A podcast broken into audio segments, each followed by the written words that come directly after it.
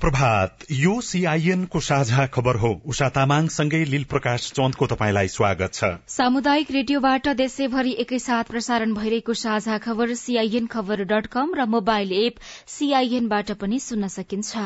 आज दुई हजार उनासी साल कार्तिक बीस गते आइतबार नोभेम्बर छ तारीक सन् दुई हजार बाइस नेपाल सम्बत एघार सय त्रिचालिस कार्तिक शुक्ल पक्षको त्रयोदशी तिथि। तपाईँको भोट भविष्य छनौट। मतदानका लागि अब चौध दिन बाँकी। साझा खबरमा प्रमुख खबरका शीर्षकहरू। मंगिर चारको निर्वाचनमा सत्तरी लाख भन्दा बढ़ी श्रमिक सहभागी हुँदै प्रतिबद्धता पूरा नगरेकोमा भने आक्रोश। निर्वाचन अनुगमनका लागि चार मुलुकका प्रमुख निर्वाचन आयुक्त आउने। मतदान केन्द्रमा खटिने प्रहरी र म्यादीले खाजा सुविधा पाउने। प्रत्यक्ष निर्वाचित राष्ट्रपति र मुख्यमन्त्रीमा जसपाको जोड़। विभिन्न तेइस समूहमाथि निगरानी बढ़ाउँदै गृह मन्त्रालय। पर्यटक भिसामा अध्यागमन र प्रहरी बीच टकराव। सरकारी मिले मतोमै सीमा क्षेत्रमा तस्करी।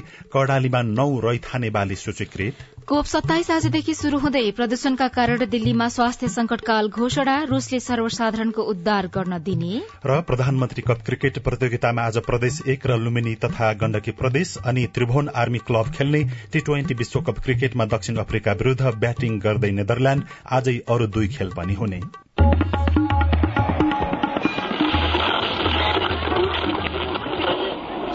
रेडियो। हजारौं रेडियो कर्मी। र करोड़ौं नेपालीको माझमा यो हो सामुदायिक सूचना नेटवर्क सीआईएन साझा खबरको सबैभन्दा शुरूमा निर्वाचनको प्रसंग श्रम शक्ति सर्वेक्षण दुई हजार सत्र अनुसार आन्तरिक श्रम बजारमा सत्तरी लाख छयासी हजार कार्यरत छन्। यसमध्ये चौवालिस लाख भन्दा धेरै अनौपचारिक क्षेत्रमा काम गर्छन्। कृषि क्षेत्रमा चौध लाख चौतिस हजारले रोजगारी पाएका छन् भने गैर कृषिमा उनातिस लाख चार हजार कार्यरत छन्। घरेलु श्रममा भने त्रिहत्तर हजार जोडिएको तथ्याङ्कले देखाउँछ। जीविकोपार्जन मानिसको पहिलो आवश्यकता हो। दुई छा खाना नाना र छानकै लागि मानिस जीवनभर भौतारी रहेको हुन्छ। यही खोजीमा वर्षेनी हजारौं नागरिक आफ्नो थात थलो छोडेर विराना शहर र देशमा पुग्नुपर्छ। हरेक निर्वाचनमा नागरिकको अवस्था परिवर्तन गर्ने दावी त गरिन्छ तर व्यवहारमा त्यसो हुन सकिरहेको छैन। मध्य दिउँसो गगनचुम्बी भवनहरू छिचोलेर घामको झुल्कोले इन्द्रचोक नजिकै भगवती मन्दिरको परिसर न्यानो बनाइरहेको थियो। त्यही न्यानोमा भेटियो पाको पुस्ताको एक समूह। टाढैबाट हेर्दा लाग्छ उनीहरू जीवनको उत्तरार्धको आनन्दमा छन्। तर वास्तविकता त्यस्तो छैन। तपाईँको नाम चाहिँ के हो नि? मेरो बुद्धिनारायण श्रेष्ठ हो दोलखा जिल्ला हो। म अहिले छप्पन्न भारी खोजेर बसिरहेको मन्दिरकै सिँढीबाट केही दिन यता फाटफुट्ट चुनावका ब्यानरहरू देखिन थालेका छन् अनि चोक र गल्लीमा चुनावी चर्चा बढेको छ। त्यसै भएर उनीहरूका गफगाफमा पनि अचेल चुनाव नेता र देश जोडिन थालेको छ। चुनाव पाए भन्छन् खोइ अब कसलाई जिताएर के भएर हुन चाहिँ हुनको लागि चाहिँ अब काम कुरा सही छैन छन चाहिँ। बुद्धि नारायण श्रेष्ठले यसपटक पनि रेडियोमा सुन्नु भएको छ नेताहरूका बाचा र घोषणा पत्रका कुरा। ती पूरा होलान् भन्ने विश्वास त छैन तर भोट हालेर नेता चुन्ने उत्साह भने अत्याधिक छ। अब जानु त जानुपर्छ बाध्यता गाउँ घर भनेको आफ्नो हो एउटा भोट नि किन खेरो फाल्नु होइन। तर अब दुःख देख्दा त नहालु जस्तै हुन्छ नि। दिक्क लागे चाहिँ अब रोजगार दिन्छु भन्छ उनीहरू जितेपछि कुर्तीमा कहाँ हो कहाँ अब त्यो अतपत्त छैन। पाँच दिन महिनामा काम गर्नु पाए नि यसो नुन तेल खानु हुने नि। धादिङका गोरे रमतेल भर्खरै बाहन्न वर्षमा टेक्नुभयो। चारजनाको परिवार एघार वर्षदेखि उहाँकै थाप्लोको नाम्लोको भरमा बाँचिरहेको छ। आफ्नो नाममा जग्गा जमिन छैन गाउँमै मजदुरी गरौं काम पाइँदैन। गरिबीले थिचेर सहर पसेका उहाँलाई कहिलेकाहीँ आफ्नै भारीले सहनै नसक्ने गरी थिच्छ। तर पीड़ा भुलाएर फेरि नाम्लोकै सहारामा जीवन चलाउनुको विकल्प छैन। त्यहाँ एउटा दरज बोकेको कम्मर सड्केर काम गर्न नसकेर ठोकेर थचाके बस्नु पर्यो अनि त्यसले गाह्रो भयो। सुई लाएर आएको अलि ठिक भए। सुई लाएर भने काम त गर्नुपर्छ पर्यो अब इन्जेक्सन दिएर अनि अलि ठिक भए। अनि यसो हलो काम गर्न पाइन्छ त्यही पनि छैन। बुद्धि नारायण र गोरे जस्तै काखीमा नाम्लो च्यापेर सिँढी वा सड़कका पिँढीमा सुस्ताइरहेकाहरूको भोगाई लगभग उस्तै छ। पानी सुक्दै गरेका आँखा दिनभर भारीको पर्खाइमा टोलाइरहेका हुन्छन्। बुढा भएपछि अब सावरले त्यति बोलाउँदैन पहिला पहिले बोलाउँथे। गरिब गुरुवाले हेर्दै रहन्छन् भनौँ न। नुवाकोटका एकसठी वर्षका रामशरण आचार्यलाई पनि चुनावको उत्साह उस्तै छ। निर्वाचन जितेर आउनेहरूसँग उहाँको एउटै अपेक्षा छ महँगी नियन्त्रणको। महँगीले चाहिँ यहाँ थाहा आकाश छोयो भनौँ भने हामीलाई अर्थ केही गर्नु पर्दैन। हामीलाई बन्द हडताल नहोस् रोजगारी पाइयोस् सुपथ मूल्यमा खाने चिज पाइयोस्। शहरका सड़कमा निधारमा नाम्लो कसेर गुजारा चलाइरहेकाहरू सकभर गाउँमै फर्किन चाहन्छन्। गाउँमा जीवन निर्वाह गर्ने उपाय नपाएपछि शहर छिर्न बाध्य भएका उनीहरू घर गाउँमै रोजगारी सिर्जना हुने आश्वासन सुनिरहेका छन्। उनीहरूसँग विश्वास गर्नुको अर्को विकल्प पनि छैन। अविनाश आचार्य सीआईएन काठमाडौँ। भारी खेप्ने खेतालाको यही हो जिन्दगानी झरनाको चिसो पानी। निर्वाचन पछि नेता र उम्मेद्वारले ठूला र मिठा कुरा गर्छन् तर त्यसको कार्यान्वयन नहुँदा एकातिर नागरिकका आशा पूरा हुँदैनन् भने अर्कातिर दल नेता र प्रणालीप्रति नै वितृष्णा बढ़न थाल्छ। आम निर्वाचन र सरकारको प्राथमिकतामा नागरिकका दैनन्दिनका समस्या र जीविकाका कुरा पर्नै नहुने हो र हामीले नेपाल सरकारका पूर्व सचिव तथा एकजना विश्लेषक कृष्ण गेवालीलाई सोधेका छौं।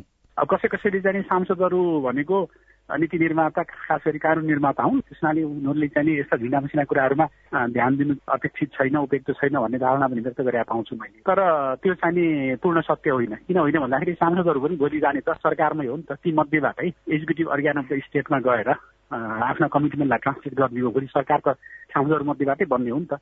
त्यसनाले उनीहरूले चाहिँ नि नीति कानुन बनाएर मात्रै भएन त्यसलाई साङ्गठनिक हिसाबले संस्थागत हिसाबले कस्तो कार्यपद्धति कस्तो योजना बनाएर कहाँबाट साधनको जोहो गरेर कस्तो जनशक्ति त्यहाँ चाहिँ मोबिलाइज गरेर रिजल्ट निकाल्ने भन्ने कुरा त अहिले नै उनीहरूले खाका चाहिँ दिनै पर्ने हुन्छ। दलीय पद्धतिसँगै वितृष्णा जुन अहिले बढ्दै गएको छ नि त भोट दिएर के हुन्छ किन जानु खोजिन भन्ने खास गरी चाहिँ युवाहरूमा त्यो जुन धारणा पाइन्छ नि त्यो पनि यसै कारणले भएको हो कि यही परिस्थितिको उपज हो कि। पोलिटिकल पार्टीहरूले चाहिँ जनतालाई छुन नसक्ने अनि ठुल्ठुलो कुराहरू मात्रै गरेर त फेरि विश्वसनीयता घट्ने पनि भयो। यसलाई अलिकति राष्ट्रिय बहसमा ल्याउनु पर्ने हुन्छ। पार्टीहरूभित्र यो सुरु नै नभएको चाहिँ होइन है। ठुल्ठुलो पार्टीहरूले चाहिँ जुन घोषणापत्र बनाए त्यसलाई हामीले यसरी यसरी गर्छौँ भनेर चाहिँ अब शिक्षा स्वास्थ्य खानेपानी लगायतका कुराहरू होइन यी कुराहरूलाई साँच्ची नै चाहिँ छुने जस्तो गृहिणीहरूलाई छुने कुराहरू होलान् होइन? बालबालिकाहरूलाई ज्येष्ठ नागरिकहरूलाई छुने कुराहरू होलान् त्यसै गरी अपाङ्गता भएका मानिसहरूलाई छुने कुराहरू होलान्। त्यसलाई मिहिन ढङ्गबाट पर्गेलेर चाहिँ उनीहरूको मन जित्ने गरी कार्ययोजना बनाएको चाहिँ पाइएको छैन। एकदम जरुरी छ। अब चुनाव हुन्छ यसपछि एउटा सरकार त बनिहाल्छ। घोषणा पत्र कार्यान्वयन गरिहाल्नका लागि चाहिँ कसले के गरिहाल्नुपर्छ होला? जनदबाव सबभन्दा ठुलो कुरा के भने यो एउटा अवसर हो होइन? मतदाताहरू चाहिँ उदासीन हुन भएन होइन? तर अहिले चाहिँ के भन्दाखेरि जब जुन उम्मेद्वारहरू आउँछन् नि घर दैलोमा उनीहरूलाई प्रश्नसँगै यी प्रश्नहरू चाहिँ तेर्स्याउनु पर्यो। र उनीहरूको मथिङ्गल चक्कर आउने किसिमबाट होमवर्क पनि दिनु पर्यो जिरो पनि गर्नु पर्यो। तपाईँले चाहिँ कसरी गर्नुहुन्छ के गर्छु भन्नुभएको छ कहाँबाट पैसा ल्याउनुहुन्छ? मतदाताहरूको जागरूकता मतदाताहरूको चाहिँ तपाईँको सक्रिय सहभागिता यो बहसमा छलफलमा प्रश्न गर्ने कुराहरूमा र मतदाताहरूको निगरानी होइन? तपाईँले योभन्दा पहिले घोषणापत्र ल्याउनु भएको थियो खै के भयो त भनेर सोध्नु पर्यो नि त पार्टीहरूलाई। अहिलेलाई मैले त्यही मात्रै देखिरहेको छु। आसन्न निर्वाचनमा मतदान केन्द्रमा खटिने प्रहरी र म्यादी प्रहरीले चार दिन खाजा खर्च पाउने भएका छन्।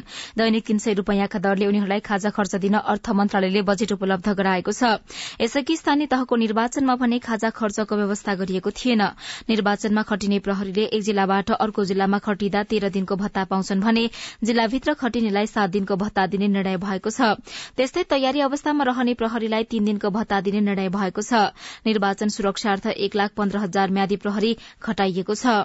यस्तै सरकारले निर्वाचन बिथोल्न सक्ने खतरा देखिएका विभिन्न तेइस शक्तिमाथि उच्च निगरानीमा राखेको छ। आगामी चार मंगिरमा हुने प्रतिनिधि तथा प्रदेशसभा निर्वाचन बिथोल्ने निर्णय गरेको नेत्र विक्रम चन्द विप्लव नेतृत्वको दलसहित तेइस विभिन्न शक्तिलाई उच्च निगरानीमा राखेको हो। सो समूहले गत मंगलबार पत्रकार सम्मेलन नै गरेर निर्वाचन बिथोल्ने निर्णय गरिसकेको छ भने अन्य समूह पनि छिटफुट रूपमा निर्वाचन बिथोल्न भित्रभित्रै सक्रिय रहेको सूचना सरकारी संयन्त्रसँग छ। सोही सूचनाका आधारमा गृह मन्त्रालयले ती समूहलाई उच्च तहको निगरानीमा राख्न सुरक्षा निकायलाई निर्देशन गरिसकेको छ भने निर्वाचनलाई लक्षित गरेर तयार गरिएको सुरक्षा रणनीतिलाई समेत सूक्ष्म रूपमा बदल्ने नीति सरकारको छ। जनता समाजवादी पार्टीले भने प्रत्यक्ष निर्वाचित राष्ट्रपति र मुख्यमन्त्री हुने शासकीय स्वरूपको प्रस्ताव गर्दै निर्वाचन घोषणा पत्र सार्वजनिक गरेको छ। अध्यक्ष उपेन्द्र यादव सहितका नेताहरूले हिजो सार्वजनिक गरेको घोषणा पत्रमा प्रत्यक्ष तथा सहभागितामूलक समावेशी लोकतन्त्रको मान्यता अनुरूप संघमा बढ़ीमा बालिग मताधिकारमा आधारित जनताद्वारा निर्वाचित कार्यकारी राष्ट्रपति हुने व्यवस्था गर्ने उल्लेख गरिएको छ जसपाले संघीय संसद र प्रदेश सभाहरू पूर्ण समानुपातिक निर्वाचन प्रणालीबाट चयन गर्ने कुनै पनि व्यक्ति दुई कार्यकाल भन्दा बढ़ी कार्यकारी प्रमुख हुन नपाउने कार्यकारी राष्ट्रपति समावेशी र सक्षम मन्त्री परिषद बनाउने उल्लेख गरेको अध्यक्ष यादवले जानकारी दिनुभयो। राजनीतिक स्थिरता लोकतान्त्रिक गणतन्त्रको संस्थागत गर्ने र तीव्र रूपले आर्थिक परिवर्तनको बाटोबाट समृद्धितर्फ लैजानका लागि जनताबाट प्रत्यक्ष निर्वाचित कार्यकारिणी राष्ट्रिय पतीय प्रणालीमा समानुपातिक संसद रहने र संसदले व्यवस्थापिकाले गर्ने कार्यमा सीमित रहने र कार्यकारिणी राष्ट्रपतिले सरकार निर्माण गरेर कार्यकारिणी अधिकारको उपयोग गर्ने संविधान नै संशोधन गर्नु पर्दछ। निर्वाचन आयोगले भने करका दरहरू परिवर्तन गरेको बारेमा गण्डकी प्रदेश सरकारलाई स्पष्टीकरण सोधेको छ। निर्वाचन आचार संहिता लागू भइसकेको अवस्थामा प्रदेश राजपत्रमा सूचना अधिकार सूचना प्रकाशित गरी करका दरहरू परिवर्तन गरेको देखिएको भन्दै आयोगले स्पष्टीकरण सोधेको हो। आयोगले प्रतिनिधि सभा सदस्य दाङ क्षेत्र नम्बर तीनका नेकपा एमालेका उम्मेद्वार कोमल ओलीलाई निर्वाचन प्रचार प्रसारका लागि बाल बालिकाको प्रयोग गरेको विषयमा स्पष्टीकरण सोधेको छ र मंगिर चार गते सम्पन्न हुने प्रतिनिधि सभा तथा प्रदेश सभाको निर्वाचनमा सत्तालिसवटा संस्थालाई निर्वाचन पर्यवेक्षण गर्न अनुमति दिएको छ। निर्वाचन आयोगले चौवालिस राष्ट्रिय र तीनवटा अन्तर्राष्ट्रिय गैर सरकारी संस्थालाई पर्यवेक्षणको अनुमति दिएको हो। आयोगका सहायक प्रवक्ता कमल भट्टराईले कुनै पनि पक्ष र विपक्षमा नलाग्ने राष्ट्रिय तथा अन्तर्राष्ट्रिय गैर सरकारी संस्थालाई निर्वाचन पर्यवेक्षण गर्न अनुमति दिइएको जानकारी दिनुभयो।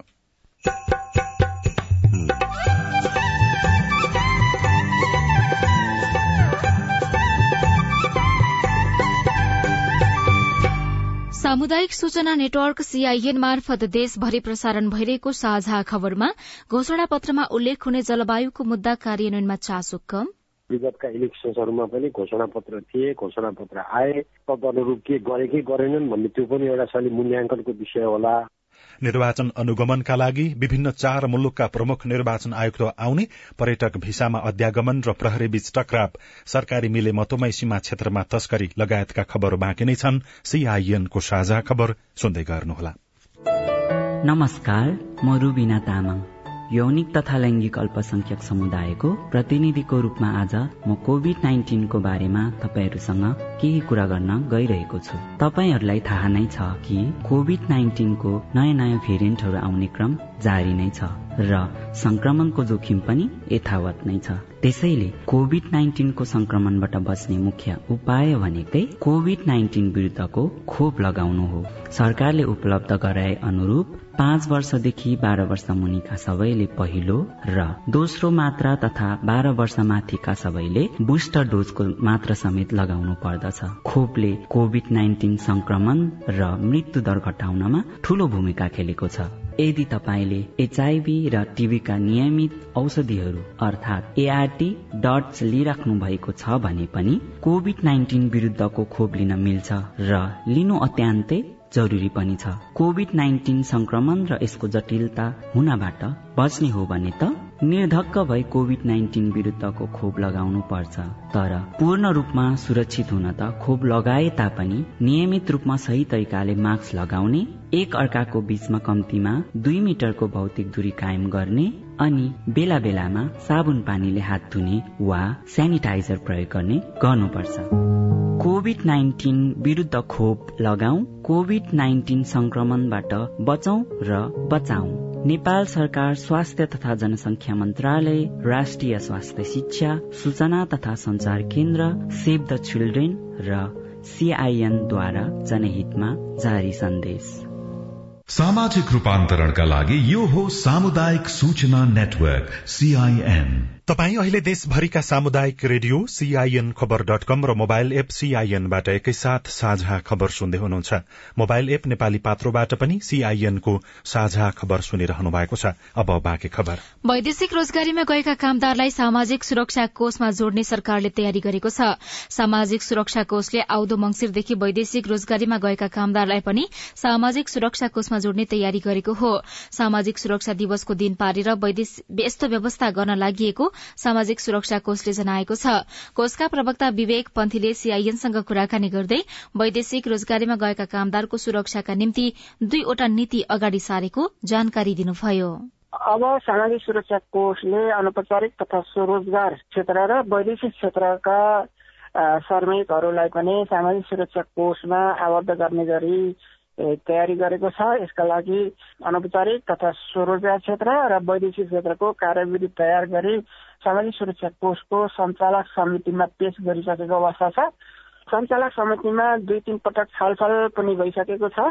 अब आउने मङ्सिरदेखि लागू हुने गरी अनौपचारिक तथा स्वरोजगार र वैदेशिक क्षेत्रका श्रमिकहरूलाई पनि सामाजिक सुरक्षा कोषमा योगदान आधारित सामाजिक सुरक्षा कार्यक्रममा समावेश गर्ने हिसाबले कोष अगाडि बढेको छ सरकारले चालू आर्थिक वर्ष दुई हजार उना अस्सी अस्सीको बजेट मार्फत वैदेशिक रोजगारीमा गएका कामदारलाई सामाजिक सुरक्षामा आबद्ध गराउने निर्णय गरेको हो।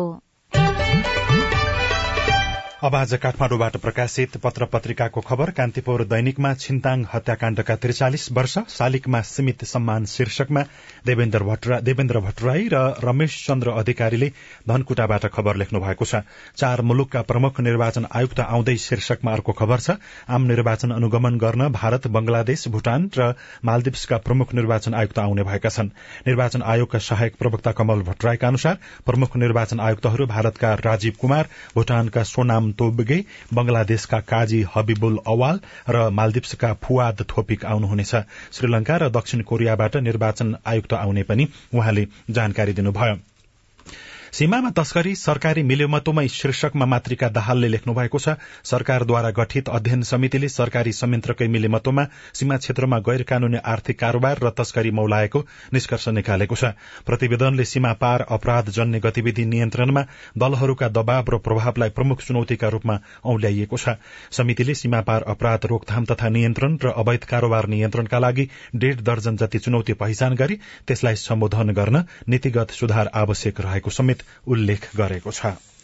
कोरोना बीमाको बाँकी रकम भुक्तानी आगामी सातादेखि शीर्षकमा नयाँ पत्रिका दैनिकमा मुना कुंवरले खबर लेख्नु भएको छ। करिब दुई वर्ष सर्वसाधारणलाई कोरोनाको बीमा भुक्तानी नगरेका बीमा कम्पनीहरूले आगामी सातादेखि दावी भुक्तानी गर्ने भएका छन्। निर्जीवन बीमा कम्पनीहरूले बाँकी रहेको भुक्तानी रकम मध्ये एक अर्ब बयासी करोड़ वितरण गर्नेछन्। भुक्तानीमा सर्वसाधारणलाई प्राथमिकता दिन अर्थ मन्त्रालयले निर्देशन दिएको छ तर कम्पनीहरूमा परेको कोरोना बीमाको दश अर्ब बाहन्न करोड़ रूपियाँ भुक्तानी हुन बाँकी छ। बीमा कम्पनीहरूले सरकारले आफ्नो दायित्व नबेहोरेको भन्दै दुई हजार अठहत्तर साउनदेखि कोरोना बीमा दावी भुक्तानी बन्द गरेका छन्। बीमा समितिको तथ्याङ्क अनुसार एक लाख एघार हजार आठ सय उनान्सयवटा पोलिसीको दावी भुक्तानी भएको छैन। विभिन्न बीस इन्सुरेन्स कम्पनीमा कोरोना बीमा गरेका एक लाख बैसठी हजार तीन सय छयालिस जनाले पन्ध्र अर्ब पैंतिस करोड़ अडसठी लाख तेइस हजार छ सय तेइस रूपियाँ भुक्तानी दावी गरेका थिए। त्यसमध्ये पचास हजार चार सय सड़चालिस जनाले चार अर्ब त्रियासी करोड़ पैंतिस लाख छत्तीस हजार पाँच सय छयालिस रूपियाँ भुक्तानी पाएका छन्। अझै बीमा रकम दावी गरेका एक लाख एघार हजार आठ सय उनासय नागरिकले दश अर्ब बाहन्न करोड़ बत्तीस लाख नब्बे हजार सतहत्तर रूपियाँ भुक्तानी पाउन बाँकी छ। बीमा समितिका कार्यकारी निर्देशक राजु रमन पौडेलका अनुसार सरकारले चरण चरणमा कोरोना दावी भुक्तानी गर्ने तयारी गरेको छ। पहिलो चरणमा बीमा दावी भुक्तानीका लागि अर्थ मन्त्रालयले बीमा समितिलाई एक अर्ब हस्तान्तरण गरिसकेको छ। सो रकमलाई पचपन्न प्रतिशत मानि बाँकी पैंतालिस प्रतिशत रकम बीमा समिति नेपाल पुनर्बीमा कम्पनी र बीमा कम्पनीहरूले भुक्तानी गर्नेछ। गोर्खापत्र दैनिकको भित्री पन्नामा सात प्रतिशतको क्षति प्रक्षेपण शीर्षकमा खबर छ विश्वव्यापी जलवायु परिवर्तनमा अत्यन्त न्यून मात्रा भूमिका रहेको नेपालले अर्थतन्त्रमा भने नराम्रो क्षति बेहोर्नुपर्ने देखिएको छ। जलवायु परिवर्तनबाट सिंचित सिर्जित जोखिमको न्यूनीकरण हुन नसके मुलुकको अर्थतन्त्र त्यसको चपेटामा पर्ने प्रक्षेपण गरिएको हो। विश्व ब्याङ्कले केही समय अघि सार्वजनिक गरेको नेपालको जलवायु तथा विकाससँग सम्बन्धित प्रतिवेदनले सन् दुई हजार पचाससम्ममा मुलुकले अर्थतन्त्रमा सात प्रतिशतसम्म क्षति बेहोर्ने उल्लेख गरिएको छ। नौ रैथाने बाली सूचीकृत शीर्षकमा नवीन सुवेदीले सुर्खेतबाट लेख्नु भएको छ। कर्णाली प्रदेशमा उत्पादन हुने नौ प्रजातिका बाली चिनो कागोनो उवा लट्टे फापर जुम्ली मार्सी कोदो जौ र स्थानीय सिमीलाई प्रदेश सरकारले रैथाने बालीका रूपमा सूचीकृत गरेको छ। प्रदेश सरकारले रैथाने बाली जोगाउन उत्पादन बजारीकरण र प्रवर्धनका लागि मूल्यवान कर्णाली किसानका सम्पदा लेखिएको मूल्यवान लोगो कार्यक्रम पनि लागू गरेको छ। साझा खबरमा अब हेलो सीआईएन सुनिल राज भारतबाट। कर्णाली प्रदेश भैरवी गाउँपालिका वडा नम्बर सातबाट खनाल सरकारले कोरोना भाइरसबाट अति विपन्न परिवारलाई दस हजार रुपियाँ राहत उपलब्ध गराउने भनेको थियो र वडाबाट यसको तथ्याङ्क संकलन पनि सकेर गएको धेरै ढिला भइसकेको र सरकारले राहत उपलब्ध गराएको छ या पालिकाले दिएको छैन? सरकारले कोरोना प्रभावित पाँच लाख विपन्न परिवारलाई दस हजारका दरले राहत वितरण गर्न सबै स्थानीय तहमा रकम निकासा गरिसकेको छ। भैरवी गाउँपालिकामा पनि सबै लाभग्राही छनौट भएर पालिका कार्यालयमा पुगिसकेको छ। यसबारे बुझ्दा आन्तरिक कार्यालय वितरणमा केही ढिला भएको जानकारी कार्यालयले हामीलाई दिएको छ। तपाई स्वयं ओडा कार्यालय पुगेर यसबारे अझ विस्तृत जानकारी लिन सक्नुहुनेछ। सल्यान जिल्ला कुमा गाउँपालिका वार्ड नम्बर छ बडा गाउँबाट मोहन देवकोटा विगत लामो समयदेखि देब्रे हात सहित देब्रेपट्टिको पुरै भाग हातको जडैदेखि बेला बेलामा कटकट खाइरहन्छ। रातिमा कहिले हात निदाउने झमझमाउने पनि गर्दछ। त्यो समस्या थोरै दाहिने हात र दाहिने खुट्टा पनि निदाउँछ। छाती गरौँ भए जस्तो चस्के जस्तो पनि हुन्छ। मेसिन हस्पिटल रोकम पश्चिम चौर जारीमा मुटुको समस्या छ भनेर नेपालगञ्ज रिफर गरियो। तर नेपालगञ्ज भेरी हस्पिटलमा मुटु सम्बन्धी इसिजी इको तथा टी समेत गर्दा पनि मुटुमा कुनै समस्या छैन भनेर त्यहाँका मुटु रोग विशेषज्ञहरूले रिपोर्ट दिनुभयो। तर मेरो समस्या जस्ताको तस्तै छ। काठमाडौँ गंगालाल हृदय रोग केन्द्रमा राम्रो उपचार हुन्छ भन्ने सुनेको छु। मैले के गर्दा ठिक होला? मोहनजी तपाईँको समस्या जस्ताको त्यस्तै हामीले शहीद गंगालाल राष्ट्रिय हृदय केन्द्रका प्रमुख डाक्टर चन्द्रमणि अधिकारीलाई सुनायौं। उहाँले जति सक्दो छिटो गंगालाल राष्ट्रिय हृदय केन्द्रमा आउन तपाईँलाई सुझाव दिनुभएको छ। तपाई जुनसुकै बेला हाम्रो टेलिफोन नम्बर शून्य एक बान्न साठी छ चार छमा फोन गरेर आफ्नो प्रश्न जिज्ञासा गुनासो विचार तथा प्रतिक्रिया रेकर्ड गर्न सक्नुहुनेछ। साझा खबरमा अब विदेशको खबर जलवायु सम्मेलनको सत्ताइसौं संस्करण अर्थात कोप सत्ताइस सम्मेलन आजदेखि इजिप्टमा शुरू हुँदैछ। यसअघिका सफलताको कार्यान्वयन र भविष्यको महत्वाकांक्षाका लागि मार्ग प्रशस्त गर्ने दृष्टिकोणका साथ इजिप्ट सरकारको आयोजनामा सम्मेलन हुन लागेको हो। सार्म एल शेख शहरमा हुन गइरहेको सम्मेलन पक्ष राष्ट्रहरूले यस अवसरमा उठान गर्ने जलवायु परिवर्तनको विश्वव्यापी चुनौतीलाई प्रभावकारी रूपमा सामना गर्ने विषयमा केन्द्रित रहने संयुक्त राष्ट्र संघीय वातावरण कार्यक्रमले जानकारी दिएको छ। भारतको दिल्लीमा अत्यधिक वायु प्रदूषणपछि स्वास्थ्य संकटकालको घोषणा गरिएको छ। साना बाल बालिकालाई घर बाहिर ननिस्कन भनिएको छ भने विद्यालयहरू बन्द गरिएका छन्। कर्मचारीका लागि घरबाटै काम गर्ने सुविधा दिइएको छ। भारतीय राजधानी नयाँ दिल्ली र आसपासका क्षेत्रमा नोभेम्बर महिनाको शुरूसँगै वायुमा प्रदूषणको मात्रा बढ़दै गएको छ। दूषित हावाले आम मानिसको स्वास्थ्यमा दीर्घकालीन प्रभाव पार्ने रोगहरू देखा पर्न सक्ने चेतावनी आउन थालेपछि दिल्ली सरकारले थप सावधानी अप्नाएको हो। र रूसले आफ्नो नियन्त्रणमा रहेका युक्रेनका केही भागबाट सर्वसाधारणलाई उद्धार गर्न दिने भएको छ। रूसी राष्ट्रपति भ्लादिमिर पुटिनले खेर्सनका केही स्थानबाट सर्वसाधारणको उद्धार गर्न सार्वजनिक रूपमा स्वीकृति दिनुभएको हो। रणनीतिक रूपमा निकै महत्वपूर्ण खेर्सनमा पछिल्ला दिनमा युक्रेनी सैन्य बल निरन्तर रूपमा अघि बढ़िरहेको जनाइएको छ। साझा खबरमा अब खेल खबर। बंगलादेशमा चलिरहेको पन्ध्र वर्ष मुनिको साफ महिला च्याम्पियनशीपमा नेपालले लगातार दोस्रो जीत हात पारेको छ। हिजो नेपालले बंगलादेशलाई एक शून्यले हराएको हो। नेपालले यसअघि भूटानलाई सात शून्यले हराएको थियो। प्रधानमन्त्री कप क्रिकेट प्रतियोगितामा आज दुई खेल हुँदैछ। आज प्रदेश एक र लुम्बिनी प्रदेश किर्तिपुर मैदानमा खेल्दा तथा गण्डकी प्रदेश र त्रिभुवन आर्मी क्लब बीच मुलपानी मैदानमा खेल हुनेछ। दुवै खेल बिहान साढे नौ बजे शुरू हुनेछ। र टी ट्वेन्टी विश्वकप क्रिकेटमा दक्षिण अफ्रिका र नेदरल्याण्डस बीचको खेल चलिरहेको छ। टस जितेर दक्षिण अफ्रिकाले फिल्डिङ रोजेपछि ब्याटिङ थालेको नेदरल्याण्डसले ताजा अवस्थामा आठ ओभरमा छप्पन्न रन बनाएको छ। यस्तै आजै बंगलादेश र पाकिस्तान बिहान पौने दस बजे खेल्दा भारत र जिम्बाब्वे बीचको खेल दिउँसो पौने दुई बजे शुरू हुनेछ। यसअघि हिजो भएको खेलमा श्रीलंकालाई चार विकेटले हराउँदै इंग्ल्याण्ड टी ट्वेन्टी विश्वकपको सेमी फाइनलमा प्रवेश गरेको छ। अस्ट्रेलिया भने प्रतियोगिताबाट बाहिरिएको छ। दलहरूले घोषणा पत्रमा उल्लेख गरे पनि जलवायुको विषय कार्यान्वयनमा सरकारको चासो कम। रिपोर्ट अरू खबर र कार्टुन पनि बाँकी नै छ। सीआईएनको साझा खबर सुन्दै गर्नुहोला। जिउँदै जलाएर मार्छु ए बुढा बुढा लौन नि त्यो माइलाले त मार्ने भयो त माइलीलाई मटी त पो खनाउँदैछ त लौन नि झट्टै पुलिस बोलाइदिनु त हो त पुलिसलाई खबर नगरी भएन यसले त अति नै गर्न लाग्यो एक शून्य शून्य हेलो पुलिस स्टेसन लौन तपाईँहरू झट्टै यो जिल्ला अस्पताल लिएर आइदिनु पर्यो तपाईँहरू जस्तो असल छिमेकीलाई चाहिँ धेरै धन्यवाद है। हामीलाई बेलैमा खबर गरिदिनु भएर थप अप्रिय घटना हुन पाएन। यसरी अग्निजन्य हिंसा महिला हिंसा गर्नेलाई त कानून बमोजिम दण्ड सजाय हुन्छ। ल यसलाई लिएर हिँड्नुहोस् त।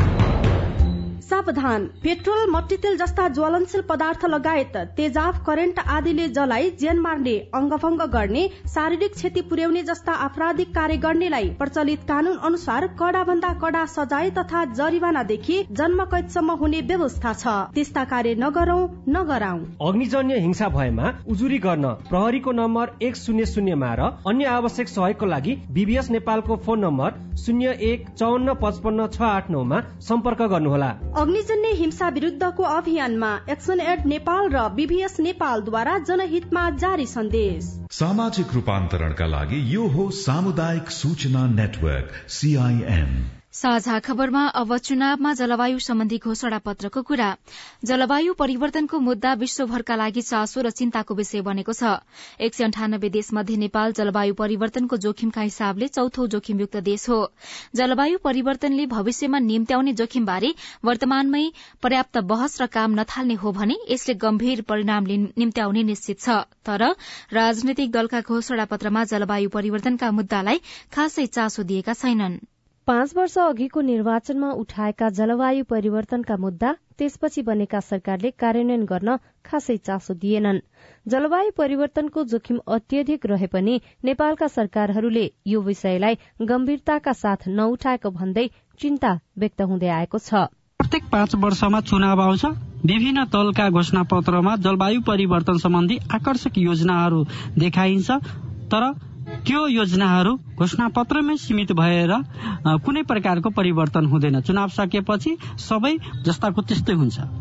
सरकारको नेतृत्व गरेको नेपाली कांग्रेसले आफ्नो घोषणा पत्रमा कार्बन उत्सर्जन र प्रदूषण घटाउने आम जीवनशैली पर्यावरण मैत्री बनाउने जलवायु अनुकूलनका योजना बनाउने र विपद व्यवस्थापनलाई उच्च प्राथमिकता दिने उल्लेख गरेको छ। अति कम विकसित मुलुकको दर्जाबाट हामी स्तरोन्नति हुँदै गर्दाका त्यो संक्रमणलाई कसरी व्यवस्थापन गर्ने र अर्को यो हिमालय हिन्दूको श्रृंखलाको कस्टोडियन नै नेपाल भए हुनाले यसलाई हामीले इन्टरनेसनल फोरमहरूमा सशक्त रूपले उठाउँछौ क्लाइमेट चेन्जको विषय।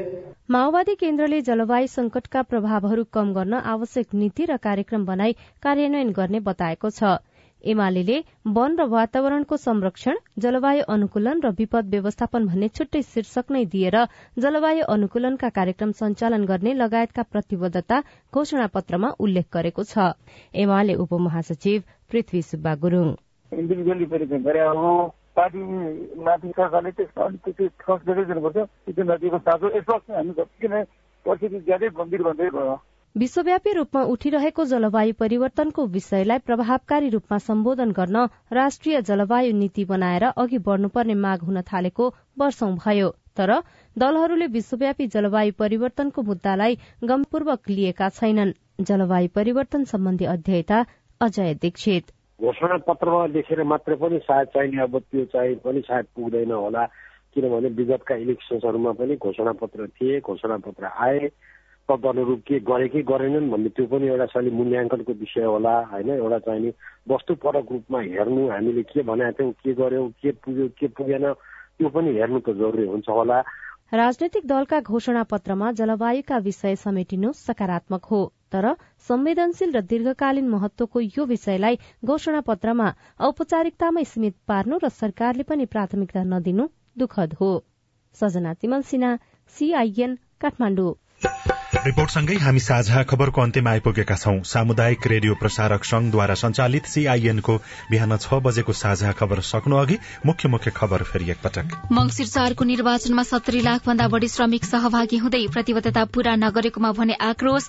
निर्वाचन अनुगमनका लागि चार मुलुकका प्रमुख निर्वाचन आयुक्त आउने। मतदान केन्द्रमा खटिने प्रहरी र म्यादीले खाजा सुविधा पाउने। प्रत्यक्ष निर्वाचित राष्ट्रपति र मुख्यमन्त्रीमा जसपाको जोड। विभिन्न तेइस समूहमाथि निगरानी बढ़ाउँदै गृह मन्त्रालय। पर्यटक भिसामा अध्यागमन र प्रहरी बेचक र सरकारी मिले मतोमै सीमा क्षेत्रमा तस्करी कर्णालीमा नौ रैथाने बाली सूचीकृत। कोप सत्ताइस आजदेखि शुरू हुँदै प्रदूषणका कारण दिल्लीमा स्वास्थ्य संकटकाल घोषणा रूसले सर्वसाधारणको उद्धार गर्न दिने।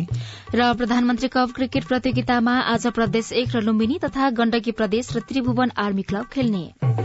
साझा खबरको अन्त्यमा कार्टुन कार्टुन हामीले नयाँ पत्रिका दैनिकमा रवि मिश्रले बनाउनु भएको कर्नर शीर्षकको कार्टुन लिएका छौं व्यङ्ग्य गर्न खोजिएको छ।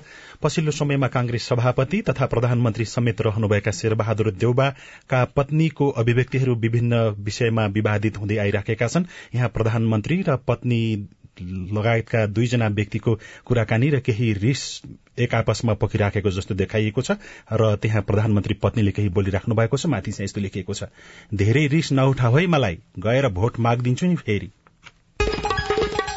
हवस् त प्राविधिक साथी सुनिल राज भारतलाई धन्यवाद। अहिलेलाई लील प्रकाश चन्द्र उषा तामाङ विदा भयौं। तपाईँको आजको दिन शुभ होस्। नमस्कार। यसपछि देशभरिका सामुदायिक रेडियोबाट कार्यक्रम संवाद प्रसारण हुनेछ। सुन्ने प्रयास गर्नुहोला।